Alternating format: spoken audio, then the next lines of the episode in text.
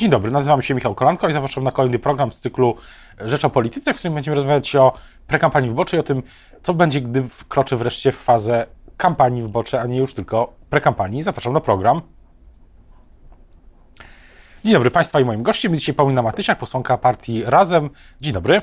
Dzień dobry. Właśnie tak się zastanawiam, Pani podróżując po Polsce, co Pani słyszy od wyborców? Niekoniecznie tylko partii Razem, ale w ogóle od wyborców do obywateli.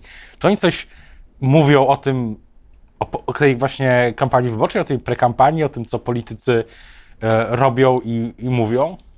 Myślę, że o samej kampanii jeszcze tak dużo nie mówią. Mamy e, środek wakacji i wydaje mi się, że większość osób e, jest zajęta e, albo porządkowaniem swoich zdjęć już z, z wojaży, kiedy wróciła, albo po prostu szykując się na na po prostu urlop. Ale e, ja mam takie poczucie, że wszystko zależy od tego, gdzie i z kim się widzimy, bo jednak e, te problemy, z którymi ludzie na co dzień się mierzą, to właśnie one najbardziej ich dotykają, bo na przykład jak jestem mm, w Łaniętach w powiecie kutnowskim, to tak naprawdę największym problemem, który tam dotyczy ludzi, to składowisko odpadów, niebezpiecznych odpadów, które tak naprawdę zagraża zdrowiu, życiu ludzi e, i trwa walka o to, żeby po prostu te e, substancje usunąć. To są gigantyczne e, koszty. To jest temat, myślę, który spędza sen z powiek mieszkańcom Łaniąt. I pewnie takich sytuacji w różnych miejscowościach będzie sporo, nie tylko związanych ze składowiskami, ale po prostu z innymi rzeczami, o tym, że jest drogo, jak sobie poradzimy, co będzie e, po wyborach, chociaż to myślę, że zdecydowanie mniej to będzie, wydaje mi się, tematem przede wszystkim za miesiąc we wrześniu, po tym jak już zostanie, zostaną ogłoszone wybory. A, a usługi publiczne, transport, bo ten rok zaczął się od e, debaty dotyczącej transportu i cen biletów. Niespodziewana podwyżka cen biletów zaskoczyła, wydaje się, ładnych parę miesięcy temu nawet samych polityków Prawa i Sprawiedliwości. Później została w spektakularny sposób cofnięta. Pytanie, czy dzisiaj gdzieś to znajduje jakieś echo, jakieś odbicie? Tak, y, zwłaszcza lokalnie, zwłaszcza w tych miejscowościach, w których y, jest problem z dostępem do y, transportu publicznego, do tego, żeby faktycznie można było skorzystać z funkcjonującego autobusu, który zatrzyma się na naszym przystanku i będzie mógł nas zawieźć do docelowego miejsca. Ja dwa miesiące temu pomagałam mieszkańcom Buczka z Podłasku, którzy tydzień przed rozpoczęciem majówki dowiedzieli się, że oto za tydzień zmiana rozkładu, e, harmonogramu e, rozkładu jazdy i w sobotę nie będzie funkcjonował, nie będzie jeździł żaden e, autobus. Udało się wywalczyć powrót do tego rozkładu, żeby zostawić te połączenia, ale to pokazuje, jak, jak ta usługa jest faktycznie istotna no po prostu, żeby zaplanować swoje zwykłe, codzienne mm, sprawy, bo przecież z takiego sobotniego autobusu korzystają nie tylko ci, którzy jadą do większego miasta na zakupy, ale także ci, którzy pracują, na przykład pracują w usługach, y, mają zmianę w sobotę, korzystają ci, którzy chcą pojechać do kina, ci, którzy chcą pojechać spotkać się ze znajomymi. To jest naprawdę istotne, żeby transport publiczny funkcjonował od poniedziałku do niedzieli przez cały tydzień, a nie tak jak jest teraz w wielu miejscowościach, tylko w te dni e, robocze, poniedziałek, e, piątek. I jeszcze jedno zdanie. E, my jesteśmy teraz w środku wakacji. I to jest moment, to jest taki czas, w którym naprawdę w wielu miejscowościach oferta transportowa znacznie się pogarsza, bo ile jeszcze w ciągu roku szkolnego funkcjonują autobusy tak zwane szkolne, bo gminy muszą zapewnić dojazd dzieciom do szkół podstawowych. Często z tych autobusów mogą skorzystać starsi mieszkańcy. No to o tyle w wakacje, kiedy szkoły są zamknięte, tych przejazdów, tych autobusów nie ma. A ma, ma Pani poczucie, już wchodząc trochę w szczegóły, ale jednak, czy, że, że polskie koleje, PKP, że się przygotowało na ten czas wakacyjny, bo rok temu też to była debata o jakości połączeń w wakacje. Teraz też w mediach są informacje o kolejnych y, kłopotach na różnych liniach. Jak, jak to Pani widzi jako osoba, która się tym to śledzi, tym się zajmuje. Myślę, że każda spółka stara się przygotowywać na taki y, okres zwiększonego y, zapotrzebowania. Y, żeby to ocenić, no trzeba po prostu patrzeć na to, jak sytuacja faktycznie wygląda w tak zwanym praniu. Wiemy, że mamy gigantyczne problemy z opóźnieniami, jeżeli chodzi o polską kolej. Mamy odwoływania pociągów na przykład w Lubuskim. Bardzo wiele połączeń jest odwoływanych, tych, które prowadzi firma przewoźnik Polregio. To jest oczywiście bardzo duży kłopot dla mieszkańców, którzy nie mogą zorganizować swoich tych codziennych dojazdów. To jest przewoźnik, który przewozi najwięcej pasażerów rocznie w kraju i to są te przewozy, z których korzystamy właśnie dojeżdżając do pracy, załatwiając swoje potrzeby, dojeżdżając do większego miasta i y, umawiając się na wizytę na przykład u lekarza specjalisty. Y, Intercity, jeżeli chodzi o przygotowanie do wakacji, Wydaje mi się, że tu można byłoby wiele jeszcze spraw y, poprawić. To, o czym mówią i o czym piszą pasażerowie w internecie, to przede wszystkim kwestia dotkliwych e, opóźnień. To czasami potrafi wywrócić jakąś taką logistykę e, podróży. To kwestia informacji pasażerskiej. Z tym jest bardzo wielki problem i tak naprawdę przewoźnik Intercity, który realizuje te przewozy, sprzedaje bilety, zgania wszystko na zarządcę infrastruktury, spółkę PKP PLK i gdzieś pośrodku z niczym, z zerową informacją najczęściej zostaje się, pasażer. A też pytanie ta, ta sprawa się też pojawiała długo, dłuższy czas w przestrzeni medialnej i politycznej też, mm, jeśli chodzi o Warszawę. Jak się Pani zdaniem ma ten warszawski węzeł kolejowy dzisiaj?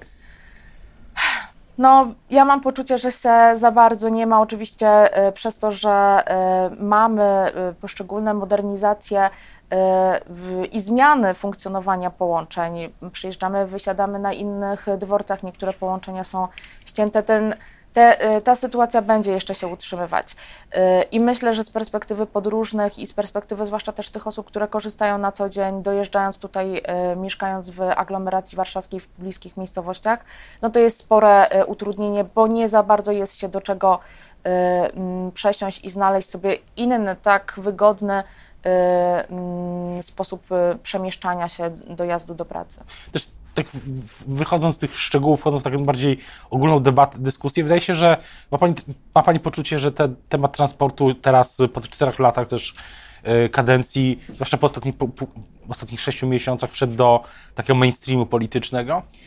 On się przewija. On jest na pewno istotny, e, zwłaszcza z, na tym poziomie, że no, daje nam mieszkańcom, obywatelom, obywatelkom e, dostęp do innych usług publicznych. I z tego e, powodu jest tak naprawdę tak ważny, bo dzięki temu, że mamy dobrze zorganizowaną siatkę połączeń autobusowych, kolejowych, bez problemu możemy dojechać do pracy, możemy wybrać szkołę, to jest niezwykle istotne z perspektywy zwłaszcza uczniów szkół średnich, którzy właśnie na tę sprawę bardzo często narzekają dzieciaki, młodzież, która do tych szkół chodzi, bardzo często musi wstawać bardzo wcześnie rano, kilka godzin przed rozpoczęciem zajęć, żeby móc na nie dojechać.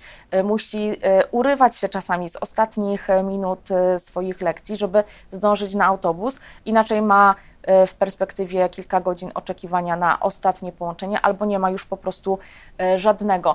E, daje możliwość dojazdu do, do lekarza, skorzystania z naszego prawa do ochrony zdrowia, z dostępu do kultury, do załatwiania swoich, swoich spraw i realizowania się po prostu życiowo. I myślę, że zwłaszcza w tej Polsce tak zwanej powiatowej, to jest sprawa naprawdę niezwykle istotna. Mieszkańcy tam jasno mówią: chcemy mieć połączenia, chcemy normalnie funkcjonować, nie chcemy być zmuszani do tego, żeby e, kupować e, samochód. Zresztą widać też po wzrostach, jeżeli chodzi o pasażerów, zwłaszcza w, tym, w tych przyjazdach e, kolejowych, że zainteresowanie transportem publicznym jest coraz większe. Chcemy z niego korzystać tak naprawdę tutaj głosujemy kieszenią, porównujemy sobie, skoro auto wychodzi e, w nas w pojedynczej podróży e, drożej, to chętnie wsiądę do pociągu i dojadę tam, gdzie potrzebuję. Mówię o tym mainstreamie, bo jak słucham, słucham czasami, nie wiem, mm, w czasie konferencji prasowych polityków, e, liderów lewicy, jak Włodzimierza Czastego czy Roberta Biedronia, to mam wrażenie, że zawsze w tym momencie, gdy mówią o usługach publicznych, zawsze ten transport się już teraz pojawia. Cztery lata temu wydaje się, że, że niekoniecznie. Dzisiaj jest tak, że transport publiczny, jeśli chodzi o samą lewicę, no zawsze, zawsze jest w tym katalogu rzeczy, o których mówił czy Czerzasty Biedroń, pani, koledzy, koleżanki z partii Razem. To się chyba zmieniło. Yy, tak, ale no, warto też podkreślić, że yy, zwłaszcza my w partii Razem od początku mieliśmy bardzo dobrze rozbudowany, yy, mocny program transportowy. To dla nas była istotna kwestia. Widzimy, jak ta sprawa jest ważna dla Polek i Polaków. I generalnie dla nas, u nas na lewicy, ten, pro, ten problem zauważamy. Mamy rozwiązania, przychodzimy z rozwiązaniami, proponujemy je, proponują je mm, posłowie i partii razem, E, i posłowie nowej e, lewicy. E, tutaj warto wspomnieć też mojego kolegę z Komisji Infrastruktury Wiesława Szczepańskiego, który też tymi tematami się zajmuje i, i też wspólnie wypracowujemy dobre rozwiązania. Ma Pani poczucie, że Prawo i Sprawiedliwość jako partia rządząca gdzieś myśli o tym transporcie w jakiś sposób zorganizowany, bo jedna propozycja transportowa która się pojawiła w tym roku, taka główna sprawa, sprawa i Sprawiedliwości, to była dotycząca autostrad, a nie transportu publicznego. Zobaczymy, czy Prawo i Sprawiedliwość faktycznie jeszcze jakieś, jakieś rozwiązanie związane z transportem publicznym zaproponuje. Y, myślę, że dostrzega ten problem. Gdyby nie dostrzegało tego problemu kilka y, dobrych lat temu, to nie mielibyśmy pełnomocnika do spraw przeciwdziałaniu wykluczeniu komunikacyjnemu, więc nawet na tym poziomie symbolicznym został y, ten problem no, zauważony, dostrzeżony, jest próba rozwiązania.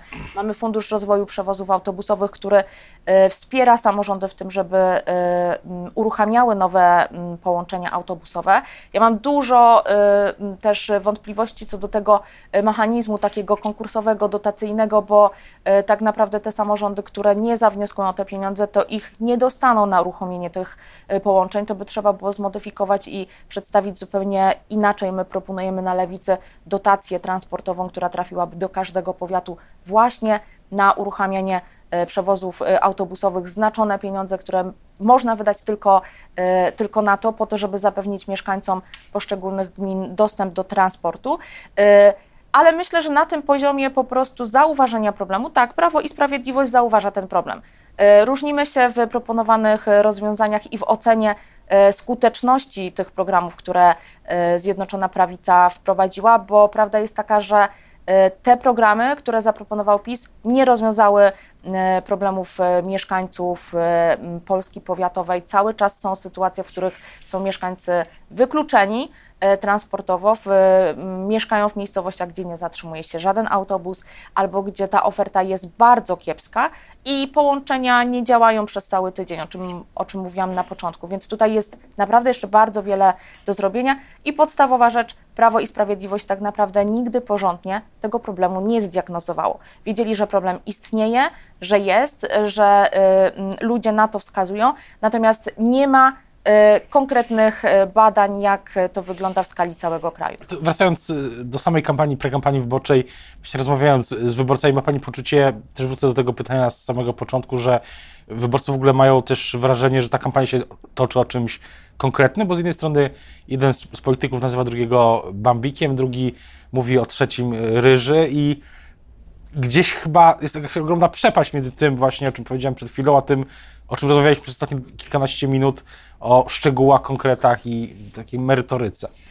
Ja mam takie poczucie, że y, owszem, mamy teraz ten y, taki okres y, wakacyjny. Wydaje mi się, że kampania, kiedy nabierze rozpędu, będzie jeszcze bardziej brutalna, że tych wyzwisk, określeń będzie pojawiało się jeszcze więcej. Mam też takie poczucie, że to tak naprawdę niczemu, nikomu nie służy tak na dłuższą metę, bo e, tak jak pan redaktor zauważył, e, Problemy w Polsce istnieją. E, mamy mnóstwo osób, które z różnymi problemami się borykają. Z kwestiami drogich cen w sklepie, wysokich cen i usług, i produktów, z kwestią dostępu do transportu publicznego, z kwestią problemów w ochronie zdrowia. Różne zresztą grupy społeczne też te problemy zauważają, bo mamy i stanowiska na przykład nauczycieli, stanowiska pracowników ochrony zdrowia, pielęgniarek, ratowników medycznych. Tutaj trzeba działać, tu trzeba wskazywać konkretne rozwiązania, a nie gdzieś tam się przerzucać, e, kto kim jest i jak kogo e, nazwiemy. Ja mam takie poczucie, że osoby, które mieszkają i się tak naprawdę polityką na co dzień może nie interesują, do nich może nawet te wyzwiska w ogóle nie docierają. Może gdzieś tam coś przemknie w jakimś materiale newsowym, natomiast one doskonale wiedzą, z czym na co dzień się borykają. Tutaj potrzebujemy konkretnych rozwiązań i my, Lewica, takie rozwiązania kładziemy na stole. A może to jest tak, że wyborcy są coraz bardziej zmęczeni taką właśnie wymianą ciosów, o których mówiłem, o której mówiłem wcześniej i później myślą sobie czas na coś naprawdę nowego i głosują na Konfederację. Czy Konfederacja nikogo nie obraża, to y, tutaj bym się zastanowiła z Ale nie jest z tej polaryzacji mm, PiS-Platforma, tezą. to na pewno. Tak, ja, ja myślę, że tutaj y, y, możemy się zastanawiać nad tym, w jaki sposób y, tę debatę w ogóle publiczną i później y, mm, nasze wybory y, właśnie kształtuje ta polaryzacja, która no, toczy się i, i, ta, i ta walka, wojna toczy się między dwoma największymi ugrupowaniami, Prawem i Sprawiedliwością i Platformą Obywatelską. Natomiast no, tutaj warto zauważyć, że trzecią siłą e, wcale nie jest e, Konfederacja, to nie jest jedyny wybór na polaryzację, bo jest jeszcze więcej ugrupowań i przede wszystkim są ugrupowania, które są po prostu demokratyczne. I tutaj z nich należy wybierać jesienią idąc do wyborów. Myślę też, że Konfederacja mocno, y, mówiąc kolokwialnie, przejedzie się na, te, na tej swojej próbie kształtowania siebie jako takiej partii antysystemowej, bo widzimy, jak bardzo systemowa powoli ona się staje. Też, też politycy Konfederacji, jak ich słucham, to Przemysław Wipler na przykład, to wydaje się, że oni grają przy takiej karcie, powiedzmy, jakby to ładnie ująć, antyboomerskiej, że oni nie są tymi starszymi ludźmi, my jesteśmy młodzi i dzięki temu idziemy do przodu, pójdziemy do przodu. I to jest jakby taka ogólna gra, którą prowadzą. Jak się przyjrzymy listom Konfederacji, to zoba- zobaczymy, że y, m, sporo y, tak zwanych boomersów też na tych listach y, będzie i będą osoby, Sam które Korwin Mikke w zasadzie chyba byłby takim pewnie przykładem, przykładem. E, Natomiast e, e, warto podkreślić, na listach, na listach lewicy będzie bardzo dużo młodych osób. Będą też osoby z młodzieżówek, będą osoby młode, tak, także te osoby, które już teraz pracują w, w parlamencie, więc jest z kogo wybierać. Jak ktoś nie chce głosować na boomersów, to może wybrać zupełnie inne osoby z, z innym spojrzeniem na świat, na rzeczywistość, na Polskę. Ja do tego gorąco zachęcam. Przejrzyjmy programy e, wyborcze poszczególnych ugrupowań. Sprawdźmy, czym zajmują się poszczególni mm, kandydaci i kandydatki i w ten sposób wybierajmy.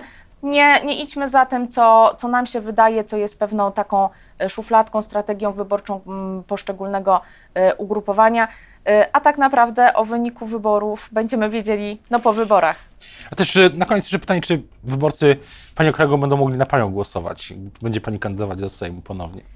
Będą mogli na mnie zagłosować i e, o te głosy też, e, też proszę, ale myślę, że e, więcej szczegółów, jak będziemy prezentować listy we wszystkich okręgach, bo będą i nowe nazwiska, będą te nazwiska, które już znamy dzisiaj z ław sejmowych lewicy.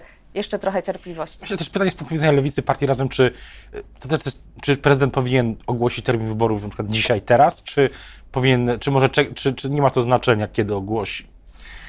Ja myślę, że my jesteśmy przygotowani na każdy, na każdy moment ogłoszenia tych terminów y, wyborów. Jeżeli one zostaną ogłoszone dzisiaj, y, jutro, y, bez problemu ruszymy, zbierzemy podpisy, zarejestrujemy listy we wszystkich, we wszystkich okręgach. Jeżeli prezydent zrobi to w ostatnim możliwym terminie w połowie sierpnia, także zbierzemy te podpisy, też jesteśmy na to przygotowani. Rozstrzyga o tym prezydent, kiedy ogłosi wybory. Wydaje mi się, że ja tutaj panu prezydentowi wskazywać e, tego terminu nie będę. Natomiast, e, tak jak mówię, każda e, porządna partia, każda partia, która poważnie przygotowuje się do wyborów, jest, jest gotowa na, na wskazanie tego terminu w każdym momencie, no bo tak naprawdę e, prezydent Andrzej Duda już nieraz Polaków zaskakiwał. Być może właśnie z terminem wyborów także nas zaskoczy, kto wie. Będziemy to śledzić e, uważnie, tak samo jak e, tą dyskusję prekampanijną, tą merytoryczną i tą też mniej merytoryczną też, też śledzimy. Teraz bardzo już dziękuję za rozmowę Państwa i moim gościem. Dzisiaj była Paulina Matysiak, posłanka partii Razem, posłanka z Kutna, z ziemi sieradzkiej, jeśli dobrze Wszystko, pamiętam. wszystko się zgadza. Bardzo Dziękuję dziękuję. bardzo. Dobrego dnia.